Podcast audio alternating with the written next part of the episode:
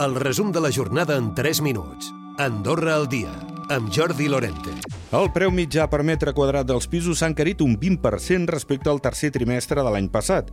En euros són més de 600, ja que mentre fa un any el metre quadrat costava poc més de 3.000, ara s'acosta als 4.000. No obstant això, les dades del Departament d'Estadística indiquen que els pisos venuts són més grans que fa un any. Sobre l'especulació immobiliària, el president de la Confederació Empresarial valora que el govern hauria d'haver reaccionat abans i millor per frenar-la. És Gerard Cadena. I potser eh, el govern d'Andorra no ha reaccionat lo suficientment ràpid per intentar, eh, diguem-ne, no vendre Andorra tan barat com, com, com l'estem venent.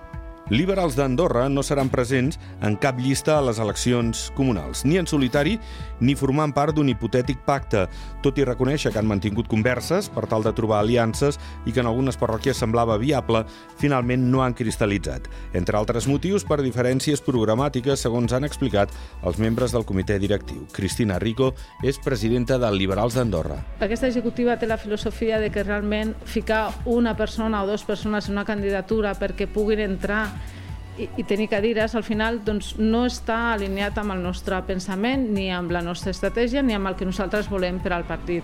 És a dir, que no només no farem cap candidatura, sinó que tampoc hem ficat a cap militant liberal en, en, en cap altra llista. I Xavier Espot s'ha desplaçat a París per participar a la 42a Conferència General de la UNESCO i al Fòrum de la Pau. Aprofitant aquesta trobada, dilluns Espot farà la primera visita juntament amb el síndic general al coprince francès Emmanuel Macron. Un dels temes centrals serà la fase final de l'acord d'associació amb la Unió Europea i l'executiu valora fer una recompra petita de deute tenint en compte que el context internacional és favorable.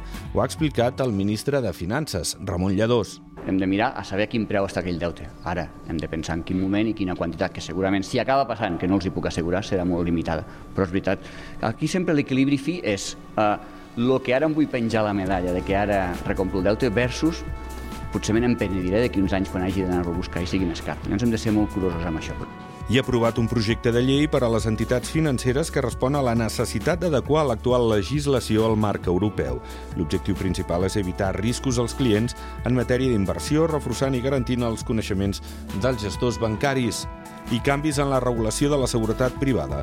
El govern ha aprovat una proposició de llei que flexibilitza els requisits per ser vigilant, tenint en compte els més de 400 que hi ha ara mateix.